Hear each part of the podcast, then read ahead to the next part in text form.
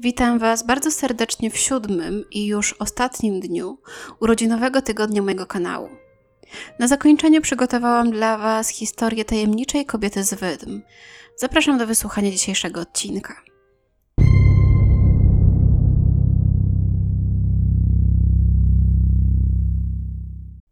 Dzisiaj przeniesiemy się do lat 70., do Provincetown w stanie Massachusetts. W tym czasie miejsce to było znane z wielu rzeczy. Malowniczego Cape Cod z pięknymi plażami, bogatego życia nocnego ze względu na liczne kluby oraz przyjazności dla społeczności LGBT. Provincetown miało również swoją mroczną stronę. Wiele barów i klubów prowadzonych było przez gangsterów, a przestępczość zorganizowana również nie ominęła tego miejsca.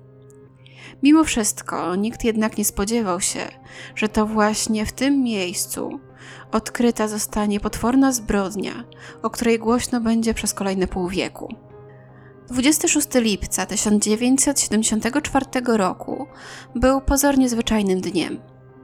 Dwunastoletnia Leslie Metcalf spacerowała tego dnia z psem swojej przyjaciółki nieopodal wybrzeża. W pewnym momencie pies pobiegł w bok i gdy dziewczynka poszła za nim, zobaczyła nagą kobietę leżącą na zielonym kocu. Początkowo ciężko jej było uświadomić sobie, co właściwie zobaczyła. Pozornie zwykły obrazek kobieta opalająca się na plaży, ale coś tu nie pasowało. Nie reagowała, gdy pies ją obwąchiwał. Wyglądała też dość dziwnie. Po chwili Leslie uświadomiła sobie, że kobieta jest martwa. Oczywiście natychmiast pobiegł po pomoc. Ciało kobiety leżało na połowie zielonego koca. Wyglądało to tak, jakby go z kimś dzieliła. Jej głowa leżała na złożonej parze jeansów i niebieskiej bandanie do włosów. Lewa strona jej czaszki została zmiażdżona. Jednak nie to było najbardziej przerażające. Jej głowa była niemal całkowicie odcięta od jej ciała. Później uda się ustalić, że ktoś musiał dokonać tego strasznego czynu za pomocą przedmiotu podobnego do wojskowego szpadla, służącego do okopywania się. Obie ręce kobiety zostały odcięte, a w miejscu, w którym powinny leżeć, ktoś usypał małe stosiki sosnowych igieł. Już na pierwszy rzut oka można było zauważyć, że kobiecie brakuje również kilku zębów. Zarówno brak rąk, jak i pojedynczych zębów doprowadziło do przekonania, że zabójca mógł usunąć te części ciała, żeby utrudnić jej identyfikację. Sekcja zwłok wykazała, że to właśnie zmiażdżona czaszka była przyczyną śmierci kobiety, ale nigdy nie znaleziono broni. Zmarła od kilku dni do trzech tygodni przed swoim odnalezieniem. Jej ciało było w znacznym stadium rozkładu. Kobieta została też zgwałcona, najprawdopodobniej jakimś kawałkiem drewna, już po swojej śmierci. W żołądku miała też kawałki niestrawionego burgera i frytek, co sugeruje, że krótko przed swoją śmiercią była w pobliskim miasteczku. Oprócz tego, że kobiecie brakowało kilku zębów, stan jej uzębienia był bardzo dobry, a nawet więcej – Miała bardzo rozległe i dobrze wykonane wypełnienia ze złotymi koronkami, w jak to określono nowojorskim stylu. Wartość tych prac dentystycznych wyceniono na od 5 do 10 tysięcy dolarów. W tamtym czasie mało kogo byłoby na to stać, więc od razu nasunęła się myśl, że przynajmniej w pewnym momencie swojego życia ta kobieta musiała być bardzo zamożna. W każdym razie musiała mieć jakiś dostęp do sporych pieniędzy. Na ciele kobiety nie było żadnych siniaków czy śladów po walce. Na miejscu znalezienia jej ciała również nie było żadnych oznak szarpaniny, a jeżeli dołożymy do tego fakt, że leżała na połowie koca, jakby go z kimś dzieliła, policjanci doszli do wniosku, że mogła znać swojego mordercę. Albo przynajmniej mogła spać w momencie ataku. Kobieta miała rude włosy zawiązane w kucyk. Była wysportowana, średniego wzrostu i miała od 20 do 50 lat, ale raczej była w dolnej granicy tych widełek. Jej paznokcie pomalowane były na różowo. I tak naprawdę nie było wiadomo nic więcej. Wydawało się, że nikt jej nie zna, nikt jej nie widział ani nie kojarzy. a jednak została zamordowana. Zabójca był na wolności i trzeba było go jak najszybciej znaleźć. Policja wraz z psami i licznymi ochotnikami przeszukała okolice, jednak nie znaleziono ani rąk kobiety, ani żadnych innych dowodów. Na miejscu, w którym znaleziono ciało, odkryto dwa ślady stóp oraz ślady opon, około 45 metrów dalej. Teren ten był parkiem, więc rejestrowano numery każdego samochodu, który do niego wjeżdżał, ale sprawdzenie ich nic nie dało.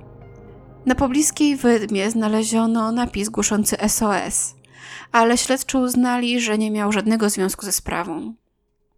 Próbowano prześledzić jej ostatnie kroki, ale ze względu na to, że mogła umrzeć nawet trzy tygodnie przed znalezieniem ciała, było to bardzo trudne. Ciężko wymagać od kogoś, żeby po prawie miesiącu pamiętał przypadkową kobietę, którą na przykład minął na ulicy. Policjanci przejrzeli setki albumów ze zdjęciami zaginionych kobiet, ale żadna z nich nie pasowała. Skontaktowali się również z tysiącami dentystów, którzy mogli wykonać dla niej te nietypowe prace stomatologiczne. Wytypowano 50 pacjentek, ale ostatecznie porównanie ich kart dentystycznych z zębami denatki również nie przyniosło żadnych skutków. Nie udało znaleźć się dokumentacji dentystycznej pani Wydm. To właśnie jako Lady of the Dunes, czyli pani Wydm, kobieta stała się znana.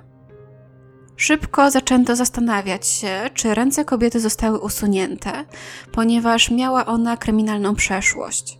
W takim przypadku władze miałyby dostęp do odcisków palców, które mogliby porównać z odciskami zamordowanej kobiety. Wysunięto teorię, że kobietą mogła być 24-letnia Rory Jean Kassinger, która faktycznie była dość podobna do denatki. Była nawet podobnego wzrostu i w odpowiednim przedziale wiekowym. Rory uciekła z domu w wieku 15 lat. Była narkomanką i pod różnymi pseudonimami okradała banki. W końcu została aresztowana w 1973 roku, ale uciekła z aresztu i wydaje się, że nikt jej więcej nie widział. Istniało całkiem spore prawdopodobieństwo, że to właśnie jej ciało znaleziono. Niemniej pierwsza ekshumacja pani Wydm miała miejsce w 1980 roku. Wtedy odzyskano jej czaszkę, żeby wykonać glinianą rzeźbę jej twarzy. Ale nie był to jedyny powód. Udało się również uzyskać próbkę jej krwi, które porównano do żyjących krewnych Rory Kassinger. Wyniki nie były jednak jednoznaczne. Nie można było ani potwierdzić, ani zaprzeczyć, że zwłoki należały do niej. Warto jednak dodać, że był to pierwszy przypadek w historii Massachusetts, w którym ciało zostało ekshumowane tylko po to, żeby dokonać jego identyfikacji. Dopiero kilka lat po znalezieniu ciała, już po tej pierwszej ekshumacji, wykonano pierwszą rekonstrukcję twarzy pani Wydm. W tamtym czasie można powiedzieć, że bardzo modne wśród policji było wykonywanie glinianych podobizn głów niezidentyfikowanych osób. Taką podobiznę wykonano również pani Wydm, ale niestety nie doprowadziła do ustalenia jej tożsamości. Nikt nie rozpoznał swojej siostry, sąsiadki, koleżanki czy córki. A nawet jeżeli rozpoznał, to szybko udawało się wykluczać kolejne takie tropy. Przez lata policja w Provincetown wielokrotnie publikowała różne rekonstrukcje twarzy i portrety pani Wydm. Oczywiście technika szła do przodu, więc każdy z nich powinien być coraz dokładniejszy, więc za każdym razem miano nadzieję, że to właśnie ten najnowszy portret doprowadzi do przełomu. I faktycznie zgłaszały się różne osoby, które twierdziły, że rozpoznają tę kobietę. 29-letnia Carol Louise Rodriguez zaginęła ze Spencer w stanie Massachusetts w 1973 roku. W dniu swojego zaginięcia pokłóciła się z kierowcą samochodu, którym jechała i postanowiła wrócić do domu autostopem. Zadzwoniła do swojej współlokatorki, że wróci do domu beżowym sedanem, ale nigdy do niego nie dojechała. Karol zaginęła niedaleko miejsca, w którym znaleziono ciało pani Wydm, ale fizycznie nieco się od siebie różniły. Karol miała brązowe włosy z blond pasemkami, nosiła okulary i miała przekute uszy. Jasne, że kolor włosów mogła zmienić, ale dziurki w uszach od kolczyków, nawet jeżeli by jej zarosły, to pewnie zostawiłyby ślad. Już nie mówiąc o tym, że są małe szanse na to, że przeżyła gdzieś ten rok od swojego porwania. Chociaż oczywiście nie jest to niemożliwe. Niemniej wydaje się, że to nie Karol była panią wydm. 27-letnia Sandra LePlace była żoną i matką dwójki małych dzieci mieszkających na Wyspach Dziewiczych. Wcześniej mieszkała w Nowym Jorku i wydaje się, że tak bardzo tęskniła za dawnym życiem, że w maju 1974 roku z własnej woli porzuciła rodzinę i do niego wróciła. Przynajmniej tak powiedziała swojemu mężowi przed wyjazdem. Jej samochód został później znaleziony porzucony na poboczu, ale jej torebki nie było w środku. Miała pieniądze na bilet do Nowego Jorku, ale nie udało się ustalić, czy była pasażerką jakiegoś lotu. Sandra była trochę niższa niż pani Wydm, ale poza tym były do siebie bardzo podobne. Zakładając, że faktycznie udało jej się dotrzeć do Nowego Jorku zaledwie na dwa miesiące przed odnalezieniem zwłok, mogła być to ona. Zwłaszcza, że w Nowym Jorku nie miała lub nie skontaktowała się z żadną rodziną czy przyjaciółmi. A samotna kobieta w tak ogromnym i niebezpiecznym miejscu narażona jest na różne sytuacje. Niemniej rodzina Sandry wciąż ma nadzieję, że kobieta żyje i że pewnego dnia uda im się ją odnaleźć. Historia pani Wydm bardzo szybko stała się wręcz miejską legendą. Wszyscy w okolicy o niej wiedzieli i ludzie naprawdę chcieli rozwiązania tej sprawy. Dodatkowo w utrzymaniu popularności tej sprawy w latach 80. pomogły programy telewizyjne takie jak Unsolved Mysteries i Hunting Evidence. W jednym z nich próbowano uzyskać nawet odpowiedzi za pomocą różnych technik paranormalnych. Programy te przyniosły policji różne nowe tropy od telewidzów, ale również żaden z nich nie pomógł w ustaleniu tożsamości tajemniczej kobiety. W 1987 roku na policję zgłosiła się Kanadyjka, która twierdziła, że około roku 1972 była świadkiem, jak jej ojciec udusił kobietę w Provincetown. Kanadyjskie władze poinformowały o tym policję w Massachusetts, ale gdy śledczy zaczęli badać ten trop, nie udało im się dotrzeć do tej kobiety. Międzyczasie wyprowadziła się i nie byli w stanie dotrzeć do jej nowego adresu. Mniej więcej w tym czasie na policję zgłosiła się również pisarka kryminałów Sandra Lee, która w 1974 miała 9 lat. Kobieta powiedziała, że spędzała z rodzicami wakacje w Provincetown w lipcu 1974 roku i znalazła ciało pani Wydm dwa dni wcześniej niż zrobiła to Leslie. Powiedziała: Spojrzałam w zarośla i zobaczyłam na tamten moment najbardziej makabryczny widok, jaki kiedykolwiek widziałam. Jako dziewięciolatka bała się jednak o tym komukolwiek powiedzieć. Nie udało się ustalić, czy faktycznie jako pierwsza osoba znalazła panią Wydm, ale jej zeznanie wiąże się z podejrzanym w tej sprawie. Whitey Bulger był gangsterem znanym z usuwania zębów swoich ofiar, aby te nie zostały zidentyfikowane. Z drugiej jednak strony nie jest to coś typowego jedynie dla Bulgera. Wielu gangsterów tak robiło. Jednej ze swoich ofiar, Debbie Davis, usunął jednak nie tylko zęby, ale i ręce, a następnie porzucił jej ciało w odległym miejscu. Dokładnie coś takiego przytrafiło się pani Wydm. Wiele lat później, gdy FBI schwytało go w 2011 roku, pojawili się również świadkowie, którzy twierdzili, że widzieli go w Provincetown w lipcu 1974 roku w towarzystwie kobiety, która przypominała panią Wydm. Dodatkowo nosił buty w rozmiarze dziesiątym, więc właśnie takim, jakie ślady znaleziono przy zwłokach, co oczywiście również mogło być jedynie zbiegiem okoliczności. Wróćmy jednak do Sandry Lee. Według niej jej ojczym miał powiązania z Whiteym Bulgerem. Często bywali w barze, który oferował swoim klientom zielone koce i ręczniki. Pamiętała o tym, bo jej ojczym często wracał do domu z takim właśnie kocem. Oczywiście to również mógł być zwykły przypadek. Balger został w końcu skazany w 2011 roku.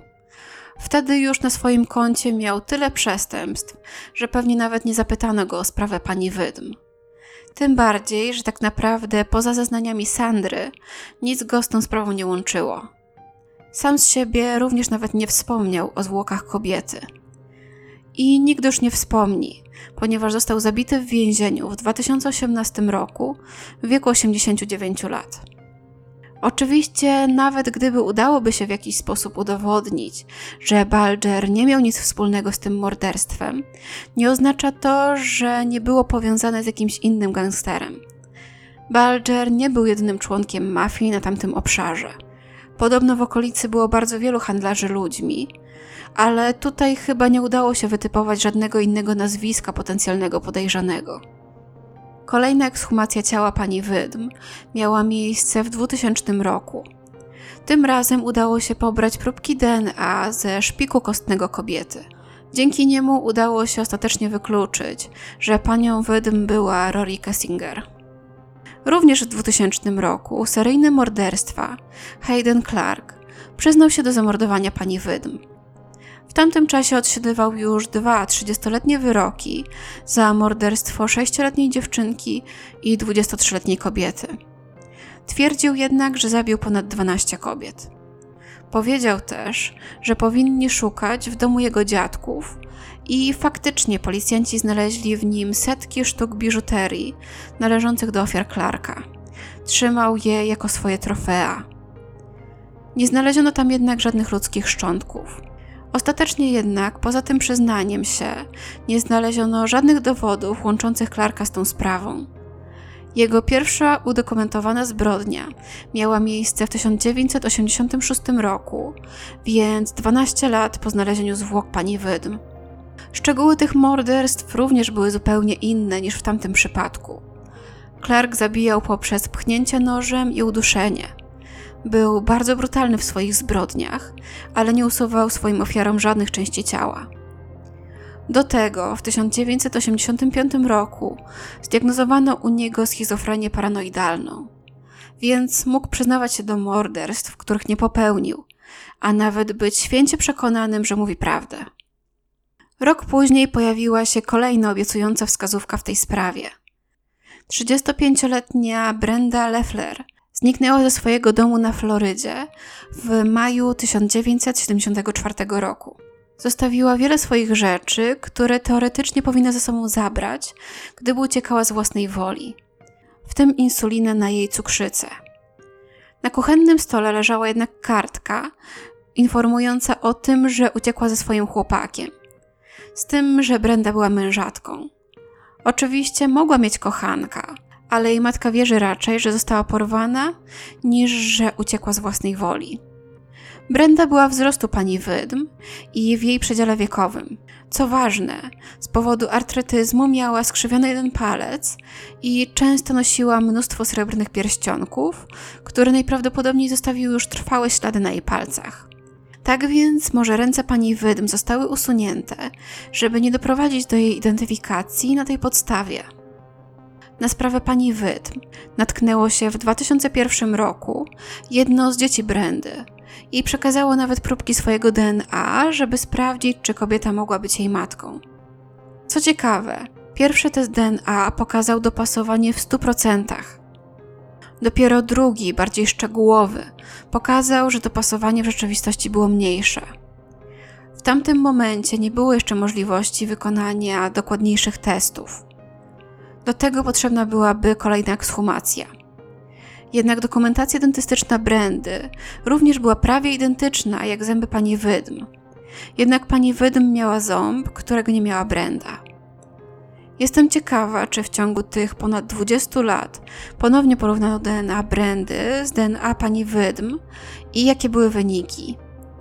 Jeżeli porównano i nie ma na ten temat żadnych wiadomości w mediach, to pewnie wykluczono, że znaleziona kobieta to Brenda. Jednak jest to bardzo ciekawe, że w początkowych testach DNA było tak zgodne i do tego dokumentacja dentystyczna również była prawie identyczna.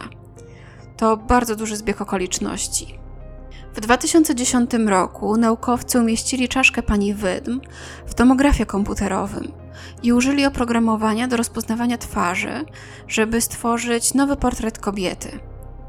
Rekonstrukcję rozpowszechniono w Massachusetts i okolicach na bardzo dużą skalę, ale niestety i tym razem nikt nie rozpoznał portretu kobiety.